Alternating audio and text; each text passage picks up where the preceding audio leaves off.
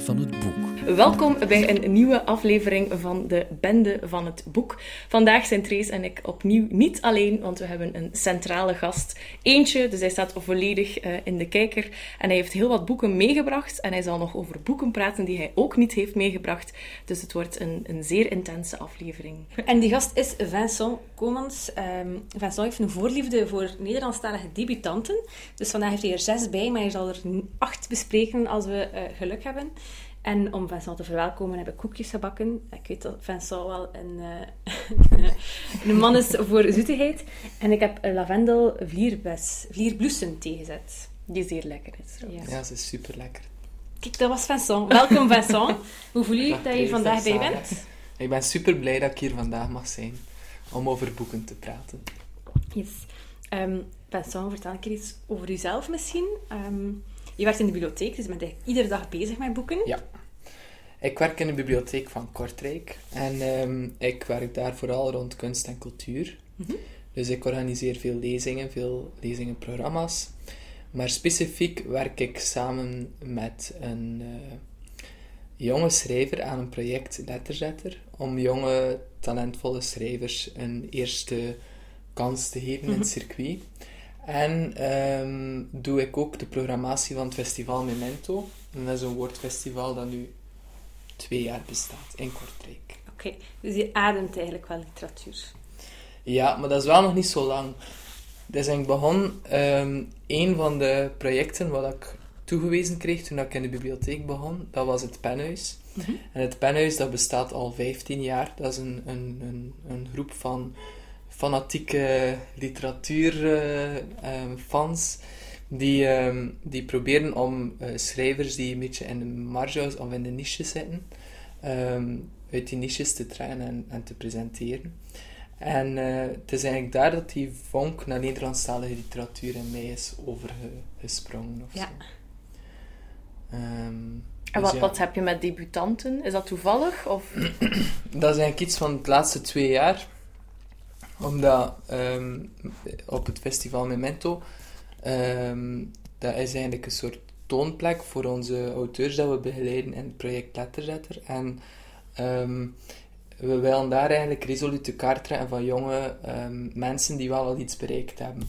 Dus bijvoorbeeld uh, debutanten, mensen die al iets hebben uitgebracht, maar die eigenlijk jong zijn en daardoor ook een voorbeeld zijn voor jonge schrijvers. Mm -hmm. Dus te tonen dat het kan om op jonge, allee, op jonge ja, op jonge leeftijd al iets bereikt hebben in, in dat veld, dat geeft hen precies zo perspectief en, en de hoop dat dat lukt. Ja. Um, en het is eigenlijk naar aanleiding van die programmatie van dat festival dat ik superveel debuten lees. Omdat dat mij ook wel helpt om, ja, eigenlijk, allee, ik wil er eigenlijk naar streven om, om talent al te programmeren nog voordat ze echt doorbreken. Ja. Voilà. Oké, okay, cool. En um, daardoor... En daarom heb je een hele stapel boeken mee. Waarover wil je eerst iets vertellen? Um, wel, te beginnen bij het begin misschien, hè. Want het debuut... De Bijbel. het debuut is iets super uh, moeilijk natuurlijk, van een schrijver. Want een schrijver debuteert maar één keer. Dat is waar. En um, ik ga beginnen met woesten. Ja. Want um, ik wil daar ook niet te veel over vertellen, maar ik denk dat dat wel... eigenlijk, wat zie je vaak bij uitgeverijen? Dat talent eerst publiceert in tijdschriften. Mm -hmm. um, dat ze daardoor soms in de kijker komen van een uitgeverij. Dat die uitgeverij dan eigenlijk samen met hen iets uitbrengt. Um, soms gebeurt het ook dat een uitgeverij gewoon actief zelf een talent spot. En um, anderen debuteren via hun, uh, hun opleiding. Uh, bijvoorbeeld Chris van Steenbergen is iemand die um, schrijversacademie heeft gedaan, ik dacht in Antwerpen. En um, die heeft Woesten geschreven als eindwerk. Hmm. En dat, is, dat was zo sterk. Um, Erik Vlaming zat in de jury hmm. en die, die, uh, die was zo overtuigd dat die, dat, dat, dat was zo, zo goed uh, dat hij hem ook gestimuleerd heeft om dat boek uit te brengen. dus dat is effectief een een eindwerk. En Mm. er zijn nog wel zo voorbeelden. Uh, Carmien Michels bijvoorbeeld. Uh, een, ik dacht, eh, ja, poetry slammer, maar ook romanschrijfster. Is ook gedebuteerd door haar eindwerk ehm, ja, binnen te, binnen te Mhm. brengen bij een uitgeverij. Dus, ehm, dus ja, je hebt verschillende manieren om te Ja, debuteren, ja. maar de constante is wel dat je het maar één keer doet en dan Ja. moet het wel goed zijn. Ja, want of moet het eh, tenminste potentie hebben. Ja, want Woesten eh, hebben we al kort aangeraakt in een van onze vorige podcasts. Die ging over het tweede boek van Christian Steenbergen. Dat was ook met gasten en die waren niet super enthousiast eigenlijk over dat tweede Ja. boek. Dus die hadden dat net gelezen, omdat ze hadden Woesten gelezen. Ze Ja. vonden dat supergoed. En dan in dat tweede boek begonnen en dan waren ze wel een beetje teleurgesteld. Dat is Ja. misschien altijd het risico wel. Ja, een, ik kan eh, daarin wel volgen, want dat is natuurlijk dan de vloek van de tweede. Ja. Als je zo succesvol debuteert, en ik denk bijvoorbeeld nu Woesten, maar ook Het Smelt van Lise Spit, zo succesvol debuut. Ja, die druk om dan een tweede uit te brengen is zo groot. Ehm, Dat dat Ja. misschien overhaast gebeurt dan ook. ja, Want ik weet niet hoe lang heeft hij dan aan, aan Woesten gewerkt. Eh, Dat is ja, misschien iets dat lang Lag dus te, lag te broeden. wellicht wel, Misschien ja. kort ook nog het verhaal van Woesten voor de mensen die de roman eh, niet kennen. Ja, het, goeie vraag. Eh, het is al een tijdje geleden dat ik het gelezen heb. Ehm, maar het verhaal wordt opgebouwd rond vier personages. Mhm. Een jonge arts, Guillaume, zijn vrouw, Elisabeth, en dan de twee zonen. Waarvan dat er eentje eigenlijk ja, Mismaakt is. mismaakt is. Ja. En zelfs ook geen naam heeft gekregen bij de geboorte. Ehm, en alles speelt zich af in, in, in, een, eh, in een dorp. Woesten. Woesten, ja. Ehm, in de periode van de Eerste Wereldoorlog. Ja. Ja, supermooi boek. Heel sprekend en goede personages ook. Uh, supergoeie plot. Ja. Wat ik ook leuk vond eraan is, je hebt de vier personages die elk een verhaal doen. En ze hebben ook wel elk echt een uniek perspectief daarop. Mhm. Want eerst lees je het verhaal van de vrouw en dan denk je van, ja, die man is echt zo'n absolute rotzak. Ja. Er kan eigenlijk niets goeds in zitten in die man. Maar dan lees je dan het verhaal van die man en dan ontdek je van, ja, maar die heeft ook wel zijn kant van het verhaal. Ja, dat vond ik er wel leuk aan. Dus dat is, allee, ik lees echt niet vaak debuten, maar dat vond ik nu wel echt een mooi. Ja, dat was echt een heel goed debuut. Toen dat, dat uitkwam, dat is ook goed verkocht geweest. Mhm. Eh, en bekroond geweest, dacht ik ook. Hè. Dat weet ik niet. Ja, kijk, voilà. Dat is het eerste, want jij hebt dan eh, mensen zoals Chris die super enthousiast zijn over een debuut en dan gaan ze naar een tweede of een derde. En dan ehm, heb je ook mensen die super, eh, die dan plots een enorme uiver hebben en dan kijken die terug naar hun debuut en dan zijn die daar een beetje beschaamd voor. Ik eh, weet nog dat eh, Stefan Brijs kwam naar het Pennenhuis Mhm. en eh, iemand had zijn debuut mee om te laten signeren en hij... hij was daar eigenlijk echt beschaamd over. over Wat is zijn debuut? Ehm, het is met Arend, denk ik. Of, ja, ik weet het niet, zo moet ik opzoeken. Geen leestip, want Stefan Geen les, ook ja. Stefan Brijs zou liever hebben dat niet meer gekocht wordt, denk ik. Dus je hebt de verschillende kanten. Je hebt de debuten die echt stevig. Je hebt eh, ja, Mhm. mensen die, liever, die toch ook succesvol worden. Dat is ook wel mooi, hè, want dat betekent dat ze blijven Ja, evolueren ook. En dat ze inderdaad ook een tweede kans Ja. hebben.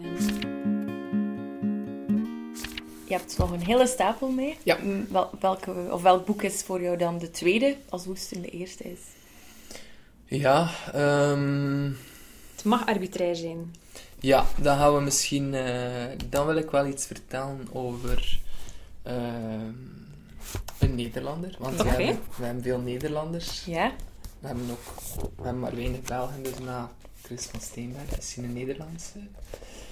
Ehm, een van de sterkste boeken dat ik dit jaar heb gelezen is Laat het stil zijn van Femke Brokhus. Mhm. Dat is een, een, eh, een Nederlands eh, meisje van het jaar 1989 is ze geboren. En eh, zij komt uit Alkmaar. Ehm, ze heeft uit bij Copernic, wat dat een beetje een, kleine uitgeverij is toch, die eigenlijk vooral klassiek werk eh, uitgeeft. Ehm, maar dit is wel echt veel, veelbelovend. Ehm, het boek zelf had eigenlijk, vertelt het verhaal van twee meisjes. Ruth en, eh wacht, even spieken. Ruth en Car eh, Carmel. Carmel, ja. Ik weet niet hoe je het uitspreekt. We Karmel zeggen. Ehm, en zij worden eigenlijk vastgehouden in een schouwburg. Ja. Eh, er wordt eigenlijk bijzonder weinig prijsgegeven in het boek. Ehm, je weet eigenlijk niet wat de condities zijn, hoe het komt dat ze daarin verzeild uh, worden. Ze heeft daar ook, de schrijfster heeft daar ook niet echt veel indicaties in. Soms zou je kunnen denken dat het, uh, dat het zich afspeelt in de oorlog en dat, het, uh, dat ze gevangen genomen worden voor ze naar een concentratiekamp worden verstuurd of zo. Want er zit wel zo'n element in. Um, maar eigenlijk gaat ze niet echt in detail daarover. Dus dat maakt het ook interessant, omdat je het uh, niet echt een bepaalde tijdsindicatie kan mm -hmm. geven of zo. Um, en het, ja, eigenlijk is het een bijzonder verhaal. Het zijn twee zussen. Um, maar waar dat je in het begin van het boek heel erg sterk het verhaal ziet van de beide zussen. Mm -hmm. Die, die zo'n zusterband hebben, die hecht is, die, die zorgen voor elkaar. Voel je dat naarmate het verhaal vordert, dat daar al maar meer een soort moederband in komt. Dus dat de, de oudste zus eigenlijk altijd maar meer in een moederrol kruipt, kruipt ten opzichte van haar, haar uh, kleinste zus. Dus je ziet eigenlijk dat personage evolueren van een, van een, van een gewone zus, allee, die band evolueren van een gewone zusterband naar een moeder-dochterband. Mm -hmm. Wat dat heel fascinerend is. En daarnaast is het super poëtisch ook. Dus je leest het ook wel vrij snel uit. Uh, soms, soms krijgen de, de, de woorden echt ja, bijna uh, ja. ja. een pagina witruimte. Soms is het, is het echt een, slechts één zin of één alinea. Uh, en het is heel fragmentarisch. Dat, dat vind ik ook wel heel sterk. Ben het zit je... echt tussen de, de grens poëzie en proza. Ja. Ben je een onderstreper? Jouw, jouw boek uh, ziet er vrij uh, maagdelijk Nee, recent wel. ja? Ik heb dat lang niet gedaan, omdat ja? ik vond dat een boek zo ongeschonden mogelijk moest zijn. Een bibliotheekmedewerker. Uh, ja. Maar uh, mijn vriendin, Sil, die uh, is wel een onderstreper. Een fluoriseerder zelfs. ja, een fluoriseerder. Dus, um, en eigenlijk, hoe langer hoe meer begin ik te merken dat dat ook wel leuk is om dat een keer open te slaan en te kijken mm -hmm. welke zinnen dat je er toen hebt uitgehaald. Mm -hmm. Nu zijn dat misschien andere zinnen dan als ik het binnen vijf jaar opnieuw zou lezen. Dat is waar. Ik had er zo zelfs nog niet over nagedacht. Ja. We zijn ook wel rabiate onderstrepers. Mm. Um, ook wel omdat als we het dan bespreken, of in de boekenclub bespreken of zo, is het altijd interessant wie dat er welke zin uit haalt. Want soms leest iemand een zin voor en denk je, ja, ik heb die ook onderstreept. En soms is dat iets dat je gewoon totaal overgelezen hebt. Wel, dat merkte ik ook dus als ik boeken las dat Siel eerst had gelezen, dat ik, uh, dat ik eigenlijk echt uh, vaak verrast was met uh, zinnen dat zij had aangevuld. Mm -hmm. Dus nu doe ik dat ook. doe ik nog maar één boek, dus de kans is groot. Ja. Eigenlijk is het ook een beetje territorium afbakenen. Ja. ja. En nummertje drie wordt... Ja, dan ga ik, omdat het een beetje in dezelfde lijn ligt, ja. Christophe Bell, met dubbele L. uh, de Brulaap, dat uitgegeven geweest is dit jaar bij uh, Monto. Ja. Um, super mooie cover, met een hond op de voorkant. Mijn moeder heeft ook zo'n hond. We zijn een vleeshondhond. het is een labrador voor de luisteraars. Ja, het is een chocoladebruine labrador in een zwarte ja, achtergrond. Hij heeft hele mooie ja. ogen ook. Ja. Um, Christophe Bell. Ik was enorm gefascineerd door dat boek. Um, want er staat eigenlijk niks op die kaft mm -hmm. waaruit hij zou kunnen afleiden waarover het gaat. Ja. Dat is waar. Er staat één zin op de achterkant uit, en dat is... Ja, één, één zin aan ons kon niet geraakt worden. Ja. Dat is één zin. Er staat geen uitleg bij over de schrijver. Er staat geen uitleg bij over de plot. Eigenlijk weet je niks over dit verhaal totdat je eraan begint. Is dat een verkoopstruc? Of, uh... Waarschijnlijk, want ik heb het zo gekocht. en dus, je hebt het boek gekocht en dat je, wist je zelf wel iets nee, over? ik wist niks je werd gewoon gefascineerd dat er ja, niets op door stond. die cover, door... Uh, een verkoopstruc die werkt. Ja, ik had wel eens gehoord van iemand uh, die in een leesclub zit in Kortrijk, dat ze dat boek hadden gelezen en dat ze dat wel een, uh, een goed boek vonden. Ja. Dus, maar dat was het enige dat ik wist. Dus okay. Ik had de titel al gehoord, horen vallen, ik had de naam van de auteur ook al horen vallen. Christophe Bell is iemand uit Antwerpen, jonge schrijver. En um, dit boek, ja, als ik het ga vertalen natuurlijk, dan, eh, Maar, We kunnen nog dan is dat effect ja. natuurlijk. monteren, hè. maar Ja. vertel een klein beetje erover. Ja. Een korte inhoud. Eh, ja, dus het boek is geschreven naar aanleiding van het overlijden van de beste vriend van Christophe Bell. Ja. Ehm, en het is eigenlijk... Er zit niet echt een, een bepaalde lijn in het verhaal. Het is geen duidelijk verhaal ook. Het is, het is, het is een soort combinatie van, van poëzie, van ehm, fragmenten, van dromen, van... ehm, ja, wat zit er nog allemaal in? eh, anekdotes, Mhm. ehm, bepaalde herinneringen. Dus het is, er zit, als je een lijn zoekt in een verhaal, dan moet je het zeker niet lezen. Als je, Ja. als je graag ja, mooie stukken tekst leest en graag gewoon het openslaat en ergens in begint, dan, dan kan het wel, denk ik. Iets om op de wc te leggen. Bijvoorbeeld. Ja.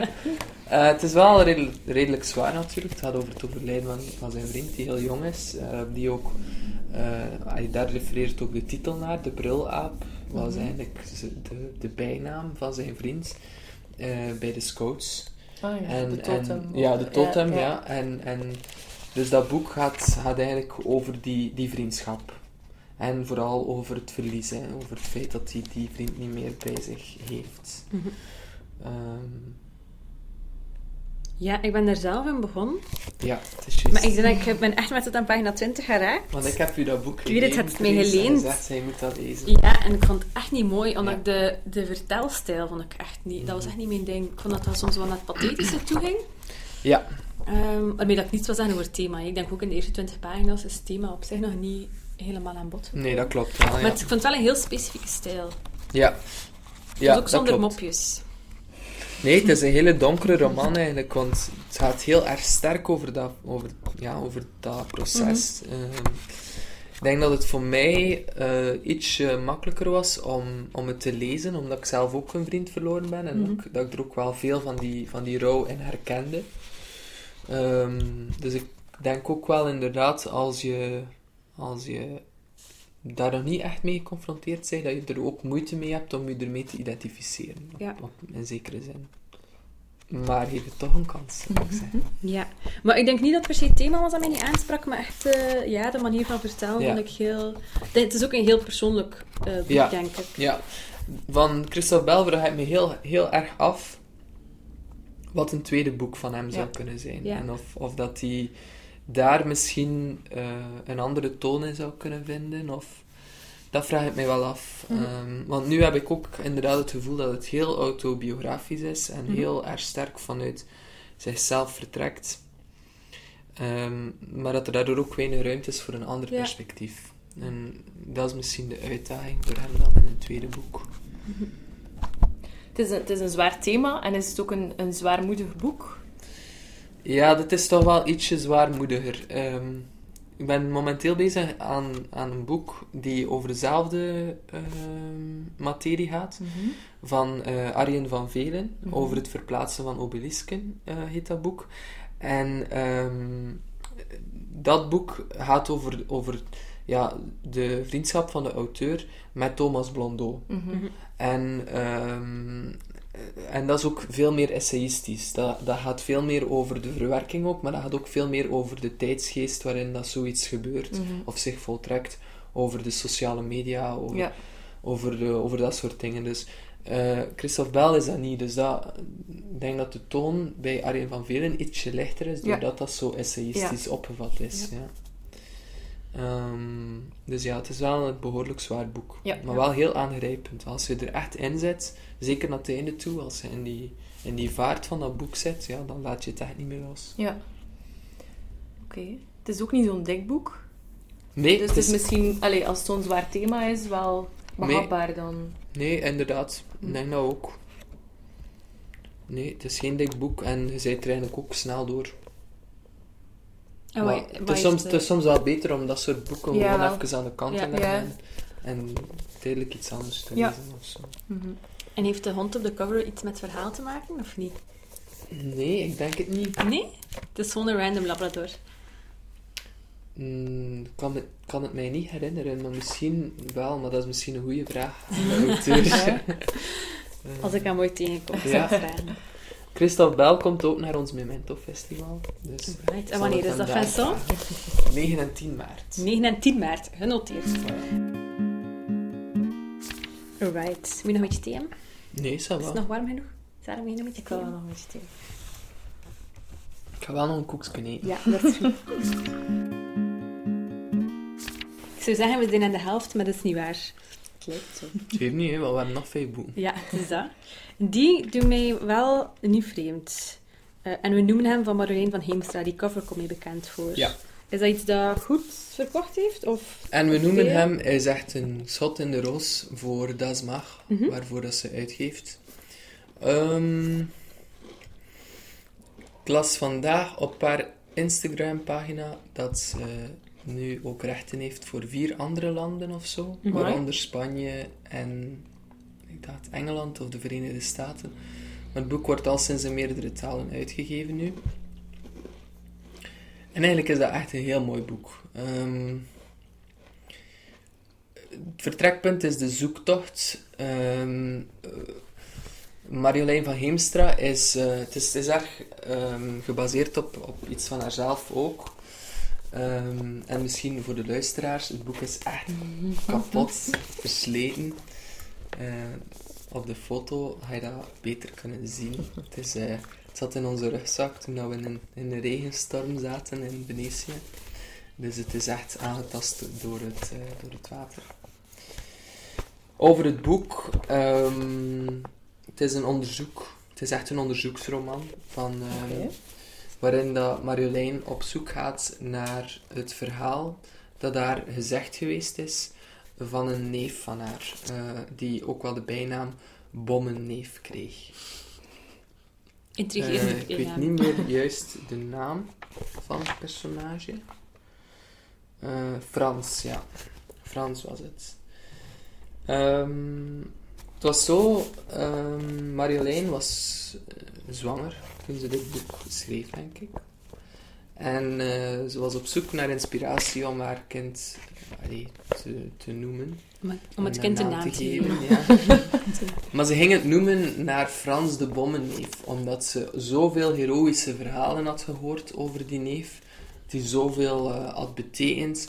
Het verhaal gaat terug naar de periode van de Tweede Wereldoorlog, waarin haar bommenneef een bom zou hebben gelegd ehm, bij het huis, of in het huis, van, een, ehm, van mensen die gecollaboreerd hebben. Hm. Dus, dus dat is een soort heldenverhaal die haar bereikt heeft via haar grootouders. eh, dat hij dat had gedaan en dat hij toch een aantal mensen op die manier had omgelegd. dus dat dat positief was. Ehm, maar eigenlijk in, in de aanloop naar die geboorte wil ze eigenlijk onderzoeken of dat, dat verhaal wel klopt. Mhm. Of dat ze iets terug kan vinden die effectief eh, aanwijzing heeft dat die, dat die persoon ehm, dat dat echt een held is. Mhm. Dat die, die, die redenen waarom dat hij dat gedaan heeft, dat hij echt wist dat ze collaboreerden of dat dat wel juist was. Ehm, dus daarom, daarom wilde ze dat ook heel erg uitzoeken. Ehm, en dat is ook meteen de spanningsboog, want ze heeft maar negen maanden tijd Ja, om dat wel. uit te vinden. Ja. Eh, en, eh, en in vaak hoogzwangere condities moet ze dan echt eh, die documentatiecentra gaan, gaan zoeken waar dat ze die documentatie kan vinden die op een of andere manier over dat verhaal iets vertelt. En dat is de plot. Oké. En meer ga ik er niet over vertellen, omdat ik dan echt te veel details prijsgeef over het verhaal. Oké. Maar het is een boek dat je langzaam grijpt. Dus je Ja. moet echt volhouden. Moet je tijd geven. Ja, ik vond de eerste, eerste hoofdstukken zeker niet super. Ehm, mijn vriendin heeft het ook gelezen en zij, zij, zij vond het personage eigenlijk een beetje irritant. Eh, omdat ze zo, eh, zo graag dat verhaal wou weten. Ehm, dus dat helpt ook niet, niet echt om dat, om dat echt te gaan lezen. Dus ja.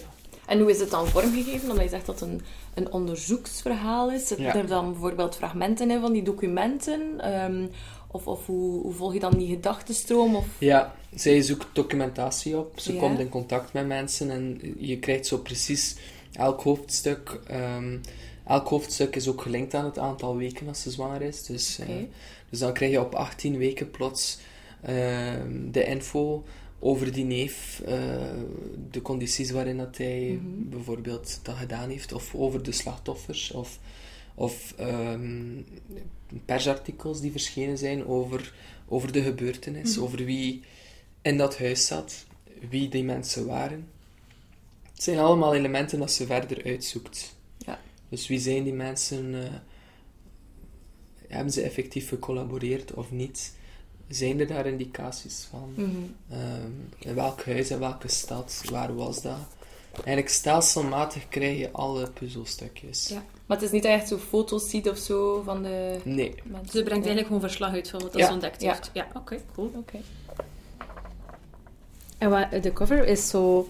Helemaal Is dat, Is dat de regen? Of was is dat de bedoeling? hemel? Of... Geen idee. Want het is een dat blauwe de cover met is, zo wat ja. grijze spikkels. Ik dacht dat dat zo de sterren En waren. Dat is gelijk manneke dat eruit valt. Ja. Het zou kunnen verwijzen naar dat kind die geboren wordt of zo. Ah ja, dat het uit de hemel Oh, eh, Ja. ja. Maar het is eigenlijk wel een mooi verhaal die eigenlijk ehm, de lezer ergens doet stilstaan bij, eh, bij mythes. Ja. Dat ze wel ja. effectief waar zijn Ja. of niet. ehm, en, en op welke manier dat we omgaan met mythes. ja. Dus die eigenlijk het inzicht geeft van als je bepaalde mythes hoort, wees kritisch genoeg om een stap terug te zetten en echt heel goed eh, te achterhalen of dat, dat wel correct is. En dat is natuurlijk wel een interessant thema als we het hebben over alternative facts en Mhm. eh, is nieuws echt of Mhm. niet echt. Mhm. Eh, dan is dat natuurlijk wel een broodnodig verhaal. En weet je of ze al een tweede boek aan het maken is? Ze heeft een tweede boek gemaakt ondertussen, maar geen roman. Oké. Toch dat het meer een kinderboek was. Ah ja. En dan, mm, ja, ik vermoed dat ze nu opnieuw aan het schrijven Ja. is. ah ja, want het is echt van 2017. staat Ja, het is dit jaar uitgegeven. oké. Het is niet wat er zo versleten uitziet. Ja. Sorry, ik moet me even meeslepen. Het is echt. Maar dat, Dat dat maakt het even uniek. zo. Ja. Ja. Dat boek heeft geleefd. Ja, Ja. voilà. En de titel is ook heel mooi als je het verhaal hebt gelezen dan. Ja? Ja. Het is wel leuk als, als het een titel is dat je dat zo pas begint helemaal door te hebben als je het verhaal aan het lezen Ja, bent. op het einde van het verhaal weet je het. Oké, cool. Ja, Vincent. We hebben er nog twee op tafel en twee in het achterhoofd. Ja. Welke wil je de volgende? Ik, ik vind dit hier wel fascinerend. Eh, Lieke Marsman, die naam zegt mij wel iets. Ja. Ehm, maar heeft zij nog maar één boek geschreven? Of is dat gewoon haar debuut en heeft ze sindsdien al meer gepubliceerd? Lieke Marsman is een supertalent. Ja? Ehm Lieke Marsman heeft uit bij Atlas Contact. Mhm. Dus al voor te beginnen een hele goede uitgeverij. Als je jong talent wil leren kennen. Ehm, ze heeft... Ze is nog jong. Oeps. voilà. 1990. Mai. Ja. En ondertussen heeft ze vooral poëzie geschreven. Aha. Ze heeft twee bundels, maar ik ga zelf moeten spieken. Eh, wat ik mijzelf graag voorbehoud, waarmee ze de C. Buddingprijs heeft gewonnen. En eh, de tweede was. Die staat hier niet in vermeld, maar ze heeft ook al een tweede bundel ondertussen. En ik weet ook dat ze zelfs al een soort. eh dat, ret- retrospectief heeft. Of, Oké. Ja, dat is snel. Dus je kan de eerste en de tweede bundel in één uitgave Aha. kopen. Oké, En dit is haar eerste roman dan? Dit is haar eerste roman. eh, dit jaar uitgegeven.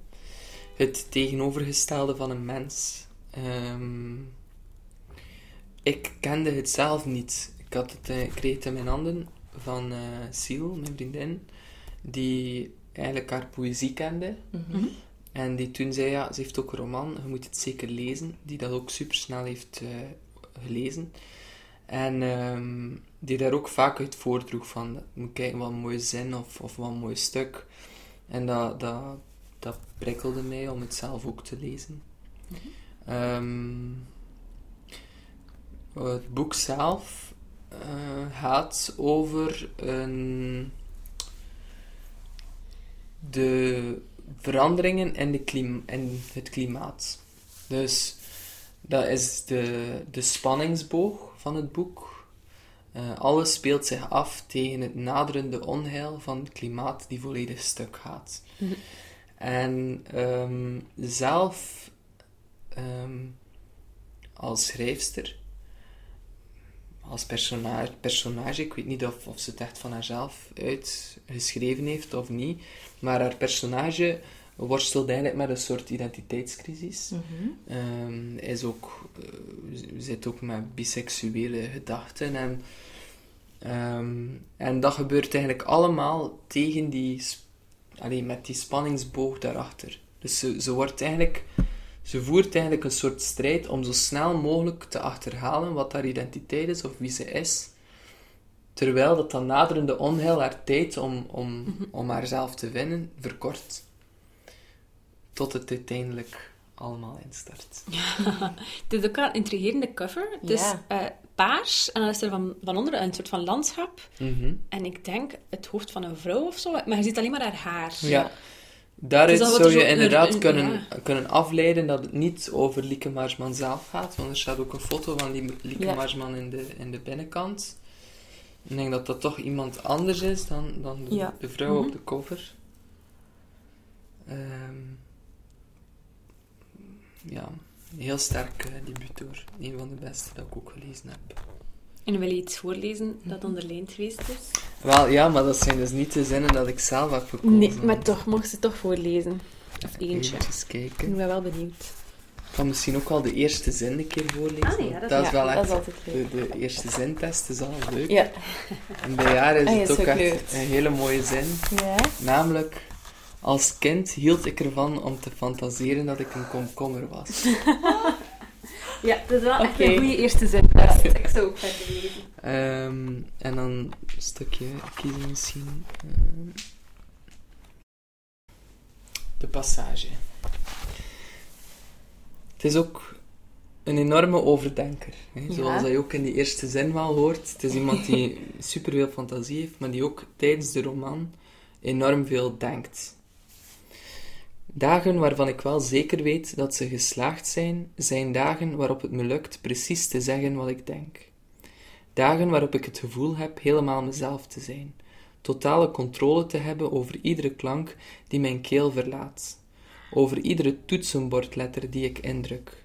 Dit gevoel, het gevoel je de taal volledig te hebben toegeëigend, zou je inspiratie kunnen noemen. Het is een machtig gevoel. Maar net als alle andere machtige dingen heeft dit gevoel een keerzijde. Corrumpeert het. Totale controle hebben over wat je zegt maakt je ondraaglijk voor je omgeving. Waarmee ik bedoel dat als iedere gedachte die je hebt, iedere beweging die je maakt, ieder woord dat je mond verlaat oneindig veel betekenis lijkt te hebben, het onmogelijk is om aan de dingen die anderen zeggen ook nog betekenis toe te kennen.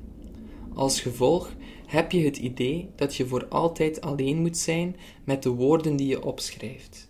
Een geslaagde dag kan zo desastreuze gevolgen hebben. In inspiratie ontstaat het gevoel dat de grenzen tussen jezelf en de buitenwereld oplossen, en die grenzen laten oplossen is één ding, maar hoe win je ze terug? Sommige mensen raken zo in zichzelf gekeerd dat er alleen nog maar kleuren en vormen voor hun ogen verschijnen, geen dingen en gebeurtenissen meer.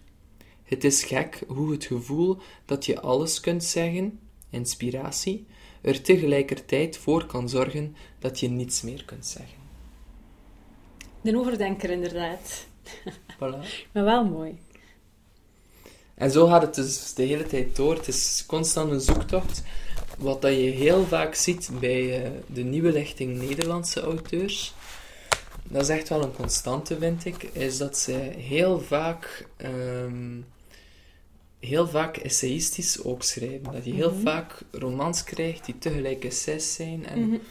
dat is eigenlijk wel iets waar je een duidelijk verschil ziet tussen jonge Belgische schrijvers en jonge Nederlandse schrijvers. Ja. Het verhaal komt niet meer eerst. Jawel, maar het wordt precies breder onderbouwd vanuit Ja. dat essayistische. Oké. Ze verwijzen ook vaak naar kunst, ehm, naar esthetica. Ja, En dat is meteen het bruggetje naar het volgende. Aha, een bruggetje, dat hebben we graag. Van Brechtje Hofstede is ook een eh, Nederlandse. Dit boek is ietsje ouder. Mhm. Maar ik heb het wel dit jaar gelezen. Dan telt het ook. Ja, het boek heet De Hemel boven Parijs. En het is uitgebracht bij uitgeverij Cossé. Het is een supermooie cover ook. Ja. Het is een heruitgave. De eerste uitgave was een, een mevrouw die nogal sierlijk op een stoel zat. En in de tweede, in de tweede is het een, een, een vrouw, een jonge vrouw, wiens ogen je niet ziet, maar wel een, ehm, haar o- de plaats waar dat haar ogen moeten zitten, zie je de blauwe lucht. Ja, de hemel de wolken, de hemel, Ja. ja. Ja. Dit boek is ook bekroond geweest. Ehm, En wat is het niet bekroond bruggetje? geweest, het is, het is eh, genomineerd geweest voor de Librisprijs, de Gouden. Boekenuil, de ANV Debutantenprijs, de Anton Wachterprijs en de Opzij Literatuurprijs. Och jere, en niet gewonnen. Niet gewonnen, maar hoeveel genomineerd. Ja. Het is eigenlijk een beetje de Leonardo DiCaprio van de, de literatuur. Ja, Het moment komt nog. het bruggetje is dat eh eh, Brechtje Hofstede is ook zo'n auteur die... Zij is een kunsthistoricus. En, en in haar roman vind je heel veel linken naar kunstgeschiedenis. Mhm. Het boek gaat over een, een, een meisje die, ehm, die in Parijs gaat gaan studeren. En ehm, die daar een, ja, eigenlijk een band uitbouwt met haar professor, die, eh, waar ze heel erg naar opkijkt, maar die haar ook een stuk... ehm, dus die professor van de universiteit is een, een collega van, van een, een, ja, professor, eh, eh, rector van de universiteit, waar dat zij bij terechtkomt als, als inwonende. Dus in, Mhm. dat, die, re- die, die rector neemt dat meisje in huis. En ehm, ja, ze is nogal alleen, ze is nogal buitengesloten, ze is nogal een, ja, het is nogal een apart personage. Ehm, en die rector vreest dat ze haar weg niet zal vinden in Parijs. En hij vraagt eigenlijk aan die professor: hou een oogje in het zeil, zorg dat ze ehm, overeenkomt met, eh, met haar klasgenoten als ze voldoende te doen heeft. En ehm, ja, dat wordt een soort vaderfiguur of zo voor dat meisje.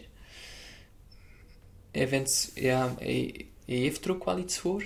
Ehm, allee, het is eigenlijk heel lang onduidelijk wat die band tussen dat meisje en die professor is. Of het een soort liefdesband is, van één kant, van twee kanten, of dat een soort vaderschap is. Maar er is wel een, een heel stevige band tussen die twee. Mhm. En ehm, ja, dat meisje komt eigenlijk van alles tegen. Maar in het, in het hele verhaal schrijft ze ook heel veel papers en essays. Ehm, wisselt ze ook veel van die informatie uit met die professor. Ehm, kan hij haar precies ook een stuk scherper maken daarin.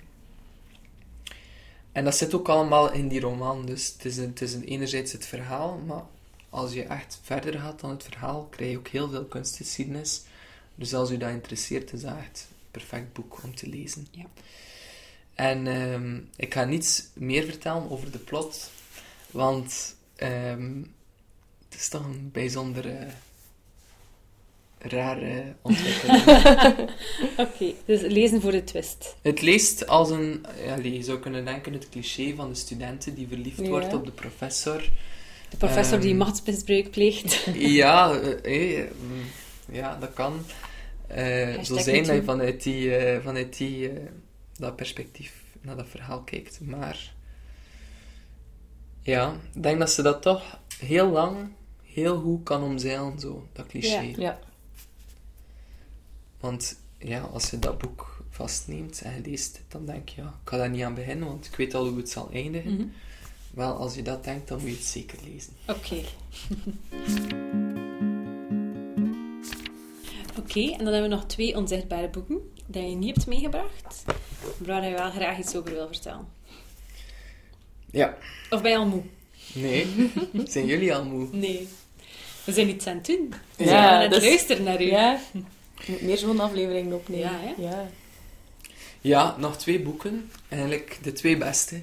Is echt? En die Ja, heb je niet bij. Maar die heb ik niet gekocht. Die heb je Super geleend uit de biep. Ja, die heb ik geleend in de biep. En die heb ik echt uitgelezen, gelijk een trein. En dan ben ik er niet meer toe gekomen om ze te kopen. En dan achteraf vind ik het altijd moeilijk om een boek te kopen dat ik al gelezen heb. Ja, ja. Omdat dat zo meteen ook de deur sluit om een nieuw boek te kiezen en te lezen. Dus ehm, Maar nu ben ik mega benieuwd. Ja, ik ook. ja, het eerste boek is ehm, Wormen en Engelen. Misschien moet ik wel een keer de cover tonen, want ik heb dat wel zo in mijn Goodreads staan. Eh, Wormen en Engelen van Maarten van der Graaf. Met dubbele F. Ehm superjonge auteur. Die een beetje eenzelfde discours heeft als... ehm, als Lieke Marsman. Ze zitten allebei bij Atlas Contact. Ehm, Maarten van der Graaf is een zeer succesvol dichter. Heeft twee hele mooie ehm, dichtbundels uitgebracht. Waaronder Doodwerk en ehm Vluchtautogedichten. Dat is een mooie Ehm, titel. ja, ja, alle twee zeer mooi. En ehm, Wormen en Engelen is eigenlijk zijn debuutroman. Het is dit jaar uitgebracht op 1 augustus 2017. En je hebt dat al gelezen. En ik heb het eigenlijk gelezen op aanraden van, van eh, ehm, de, de programmator van het penhuis, Guy de Vos. Die zei, dat is een super eh, interessante kerel. Dus ik heb meteen dat boek opgezocht. En eh, eh, we hadden het nog niet in de biep. Ik heb het laten komen. Stelt met de biep. En dan heb ik het gelezen. Omdat ik ook niet wist dat het iets voor mij ging zijn. Ehm, dus het is, als je ziet, zo... De, de cover zelf, het is zo... Shiny. Ja, fluoriserend. eh, Schone typografie. Mhm. typografie. eh, roze. Een beetje neonlicht zo, precies. Mhm. Ehm, en het heeft... eh, ja, het is echt... Je hebt het eh, alle sterkes gegeven. Ik heb het vijf sterren gegeven omdat ik het ook echt super snel heb uitgelezen. Wat zeker niet evident was, want het was ook geen gemakkelijk boek. Ehm, ik heb me er een klein beetje moeten door, eh, doorbijten. Ehm, En waarom? maar niet omdat het verhaal Ah, niet ja. aansprak, maar vooral omdat ehm, het was veel om te verwerken. Het boek zelf vertrekt eigenlijk vanuit een jongen, Bram Kortewegs, hoofdpersonage, die opgroeit in een superklein dorp in, ehm, in Nederland, over Flaké, denk ik, ja, zo was het. En ehm, hij, ja, dat is zo'n hele, ehm, ja, echt een, echt een dorp, dorp. eh, iedereen kan zich daar wel iets bij voorstellen, heel conservatief, heel traditioneel. En eh, ja, hij, wou dat eigenlijk, hij was dat eigenlijk ontgroeid, of hij wou daar eigenlijk van weg. Hij wou daar eigenlijk van wegvluchten. Ehm, en het, het hele verhaal is eigenlijk opgebouwd rond een soort zoektocht naar wat religie of geloof eh, tegenwoordig is. Of wat eigenlijk mensen doet eh, aangetrokken worden tot geloof. En de aanleiding daarvoor is zijn vader, die op 55-jarige leeftijd, ik wil er vanaf zijn, ehm, ervoor kiest om gedoopt te worden. Mm. Dat in combinatie met een van zijn beste vrienden, eh, Paul, die dominee wordt, komt eigenlijk in contact te staan met mensen die heel dicht bij hem heel erg overtuigd zijn van religie, geloof, die, die daar echt heel hard in meegaan. En, en hij vindt dat super fascinerend. Hij vindt dat fascinerend dat dat kan, dat mensen zo opgaan in dat geloof.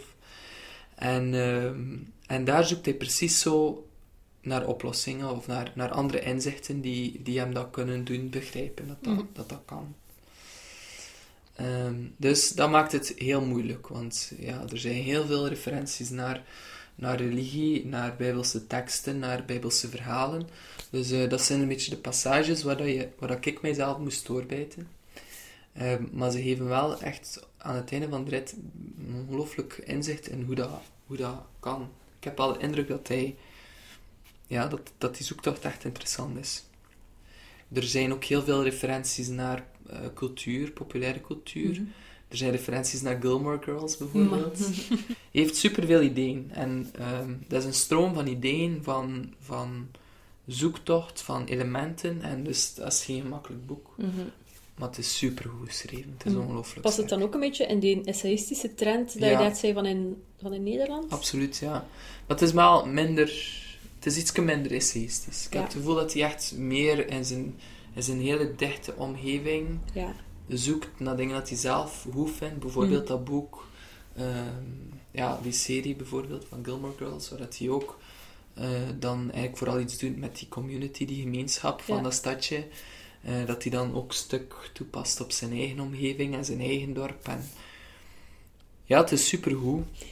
Ja, ik had nog één zin eruit gehaald. Ja? Alles wat je doet, doe je te vroeg. Wat betekenisvol is, mis je op het moment dat het gebeurt en spookt een dag, een jaar of een leven later door je hoofd. Dat is een beetje de taal dat hij Mm, gebruikt. Ja. Ehm, ik vond dat die, die roman van stijl zo... Dat precies wel... Ik weet niet of ik de enige ben daarin, maar ik, vond, ik herkende wel wat van Jeroen Brouwers daarin ook. Mhm. Zo ook het, ehm, dat boek Het Hout van Jeroen Brouwers. Zo'n beetje dezelfde... Dezelfde lichting, zo precies. Ja. Dezelfde flow. Ja, het is echt een aanrader. Oké. En dan hebben we nog één boek over. Ja. En dat is de prijswinnaar van dit jaar. Ja? Ja. Dat is de Bronzen Uil van 2017. Ja. Ik ga hem ook opzoeken, dat je ook de, de kaft ziet. Ja. En voor de luisteraars, ik ben dan nu gewoon aan het intikken. Dankjewel om eh, onze Ja. luisteraars zo mooi te begeleiden. Ehm, de Afwezigen van Lieke Kezer. Mhm. En is het ook jouw persoonlijke prijswinnaar van dit jaar? Of Moeilijk hoor, moeilijk. Want ze zitten echt in balans. Ik vond dit boek ehm even goed. Ja, ik weet niet. Ik zou niet kunnen kiezen tussen dit boek en het vorige. Oké, maar dat zijn uw twee favorieten Ja, toch wel. Dat zijn echt de twee... Van die twee mensen heb ik echt het gevoel... Dat zijn echt mensen die... Die binnen tien jaar gaan kunnen terugblikken op een, op een rijk oeuvre. Die Ja. hebben echt het, die hebben echt het, het, het schrijverschap. Die hebben echt... Die zijn zo veelzijdig. Die, die laten zoveel zien. Ehm, ja, het kan niet anders dan dat dat echt eh grote naam gaat worden. Oké. En Lieke Keizer, dat is echt een boek... Ik weet zelfs niet eens meer hoe dat ik ertoe gekomen ben om dat te lezen. Ik denk dat ik het ooit een keer gezien had ehm, op een website van genomineerde boeken, longlist of zoiets. En soms maak ik daar ook standen van in de bibliotheek. Zo de longlist van, van de Libris of de longlist van de Houden Boekenuil. En ik denk dat ik het toen in mijn handen heb gehad en heb meegenomen. Het is een super mooie cover. Je kunt dat misschien niet zo goed zien, omdat... Ah ja, kijk, je kunt dat blijkbaar uitvergroten of zoiets. En nog in een goede kwaliteit ook. ja, dus dit is een, een, op de cover voor de luisteraars. een jongen die op een eh, zetel zit. Een mooie blauwe zetel. Op een mooie blauwe zetel zit. En, ehm, in een huis. En hij heeft zijn handen voor zijn gezicht. Ja, dus je kan niet zien wie de jongen is. Het is uitgegeven bij Arbeiderspers, die ook wel echt kwalitatieve dingen uitgeeft. Ehm, en ja, dus dit jaar terecht bekroond met de debuutprijs, de Bronzen Uil. Ehm, ik denk dat eh, bijvoorbeeld Maarten van der Graaf van daarnet, dat zijn boek nog niet in aanmerking kwam, omdat het maar in augustus uitgegeven Ah, is. ja. Dus misschien wordt dat de volgende Bronzen Uil. Ehm, ik heb het ook vijf sterren gegeven. En wat is het verhaal achter eh, de afwezigen? Ehm, het boek vertelt het verhaal van een jongen, eh, Joshua, vandaar wellicht eh, de jongen op de cover, Mhm. Die ehm, op heel jonge leeftijd zijn ehm, mama verliest en eigenlijk ook geen band heeft met zijn vader. En zijn moeder vertrouwt hem eigenlijk toe, of vertrouwt het voogdij toe, aan zijn buurman. Die zelf eigenlijk in een soort rouwproces zit, omwille van het verlies van zijn vrouw. Dus die, die, die buurman, Frank, want het speelt zich wel af in... in het, is, het, is niet, het is geen kerktorenverhaal of zo. Het is echt Mhm. geschreven eigenlijk, het speelt zich af in Amerika. Ehm, dus ja, eh, Frank is dan, is dan degene die voor die jongen zorgt. Ehm, en die die jongen uiteindelijk ook eh, meeneemt naar New York. ehm, om hem eigenlijk betere kansen te geven op zijn toekomst.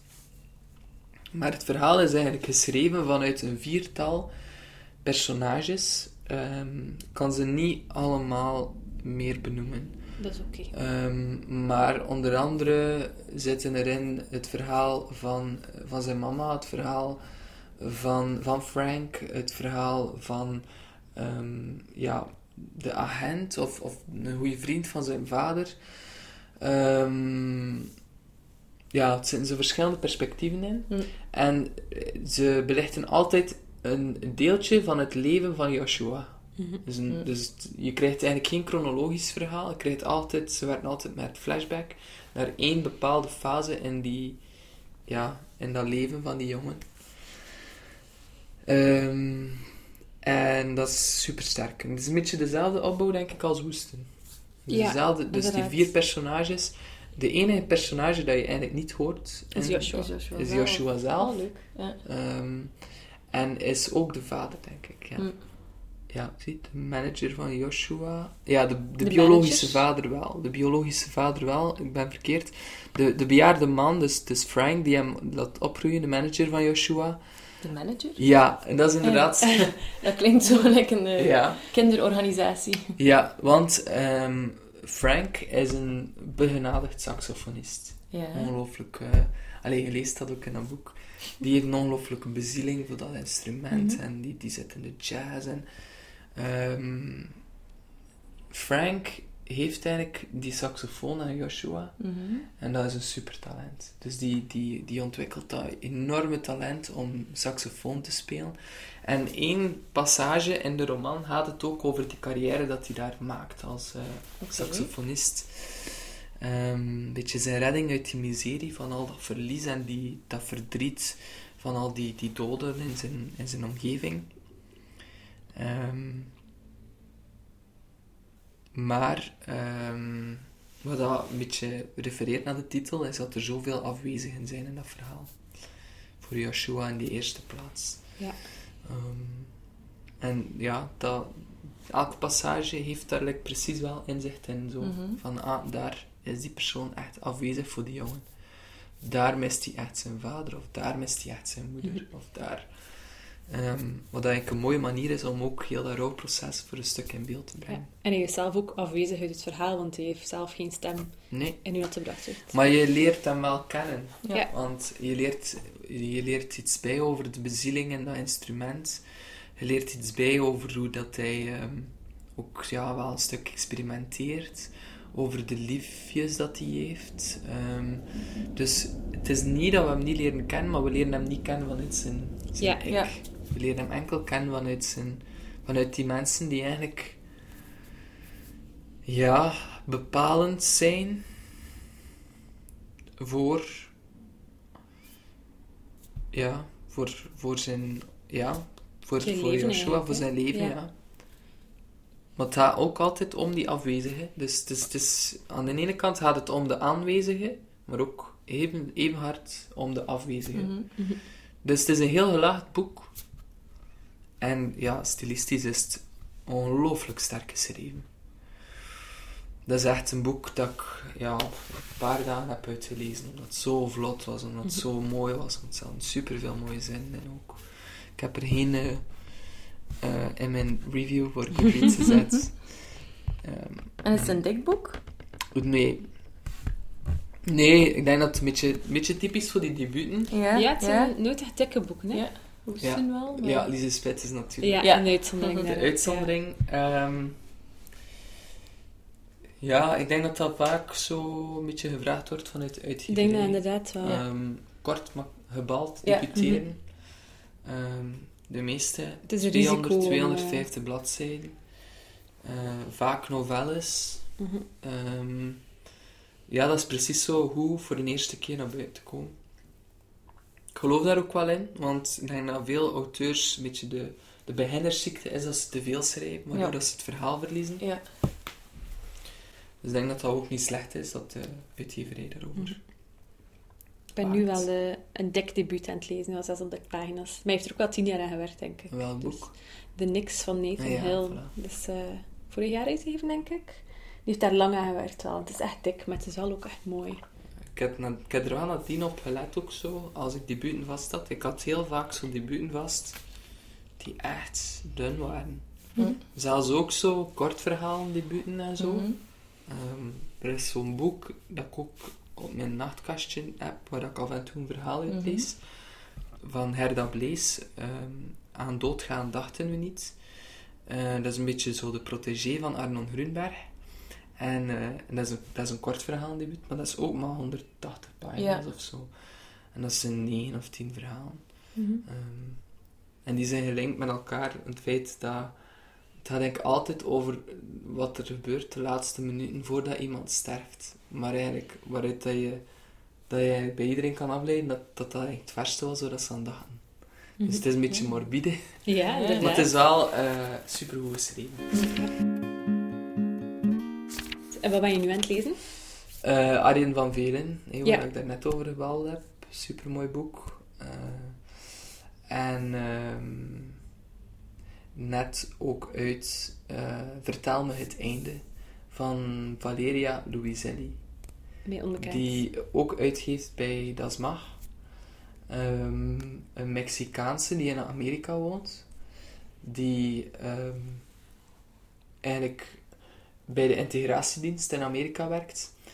In New York. Waar dat ze aan de hand van een formulier ehm, Zuid-Amerikaanse kinderen die ja, eigenlijk over de grens eh, gevlucht zijn, interviewt. Ehm, die, ze volgt die structuur, zij is tolk, zij, zij, zij eh, tolkt die kinderen. En, ehm, en ja, eigenlijk is dat een soort ja, laatste kans voor die kinderen ook Mhm. om, om, een, om een green card of een verblijfsvergunning te krijgen. Eh, er zitten daar hele schrijnende situaties in van kinderen die nadien ehm, die, over, die de oversteek wagen, maar doordat ze dan opgepikt worden om die verblijfsvergunning te krijgen, dat dan plots eh, via hen uitkomt dat de papa of de mama, die eerder al illegaal gevlucht Mhm. was, dat die plots gekend zijn bij het gerecht. Dus dat die dan uitgezet worden. Dus, dus de- ja, dat is die materie. En ze schrijft dat ook ongelooflijk goed. Er zijn hele harde dingen bij, onder meer over het echte weg dat ze afleggen. Van bijvoorbeeld kinderen uit Guatemala, Honduras, die, die echt verwikkeld zijn in, in bendeoorlogen, die dan eigenlijk, mm, ja, die dan eigenlijk met een, met een, met een trein, dat ze La Bestia noemen, dus het beest, maar dat ze dan echt letterlijk, zoals je in de films ziet, op moeten springen om hen eraan vast te houden, dat ze, dat ze echt mee kunnen met die trein.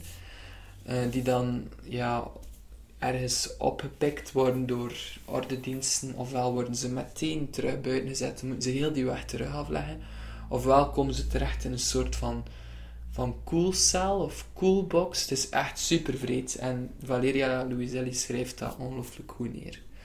Dus dat is ook echt een aanrader.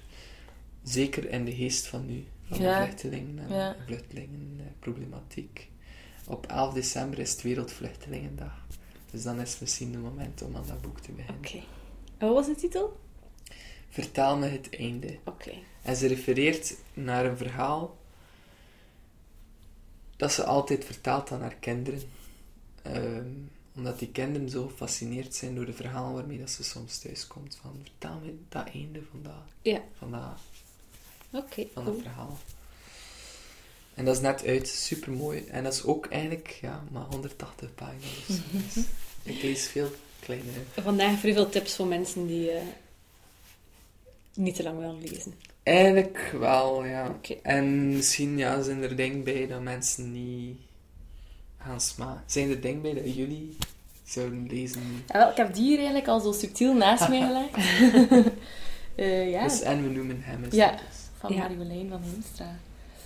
Ja, ik weet niet. Ja, ik ben benieuwd naar, ehm, naar uw laatste boek van de afwezigen van ehm Ja, Kezair. Ja. Wat was haar voornaam? Nee, Lisbeth. Lieke. Lieke. Lieke, ja. Twee Liekes. Ja. ja, ja. Dat is eigenlijk wel een beetje grappig, want de Nix gaat ook over een afwezige moeder. Het is ook een moeder die eh, ja. eigenlijk op vrij jonge... Allee, toen het zoontje elf was, ook gewoon plots verdwenen is. Eh, en dan gaat het ook zo wat over hoe dat, dat, ja, dat hij dan daarna verder is gegaan. Ja. En dan ontmoet je haar daar later weer. Dus dat is wel interessant. Oké, super. Maar dat klonk Ja. wel als een, eh, een mooie roman. Bijgevolg, Trace, omdat jij net jarig bent geweest, Ja. ga ik zorgen dat dat boek Is bij jou dat? terechtkomt. Oh, kijk, super. Dan ga ik hem Als zeker lezen. Alright. Merci Vincent. Voilà. Ik ben eigenlijk ook eh, nog niet zo lang. Sarah, niet overdreven. het, is, het is wel echt waar. Oké.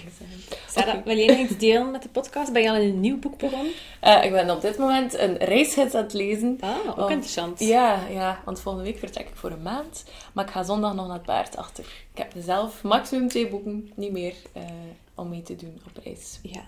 Maar die boeken ga je dan delen op onze Instagram. Ongetwijfeld. Idealiter tegen een exotische Ja, achtergrond. het zal wel. Palmbomen en al, komt Ja. er allemaal aan. Ik kijk er dan naar uit. En ik ben altijd bezig in de niks. Dat zal wel nog even duren, denk ik. Maar het is een dik boek. bezig. Ja, en ik in een derde zit nu. Ja. Na een halve week. Dus eigenlijk valt dat wel goed mee. Dus- Ik ga nog even reclame maken voor mijn vriendin Silver Hanneman, die in september volgend jaar haar debuut uitbrengt. Oké, dan, mag ze er ook iets over komen vertellen in Yes. de podcast. Voilà. Dus, Als ze dat zien.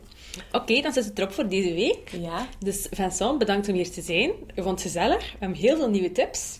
Ehm, ik hoop dat iedereen direct zijn debuut aan de haak gaat gaan slaan.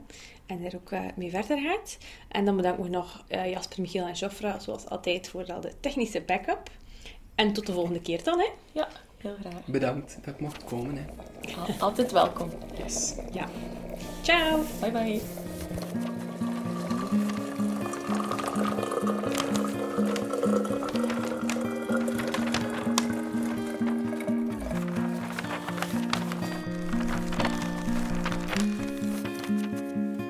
Van het boek.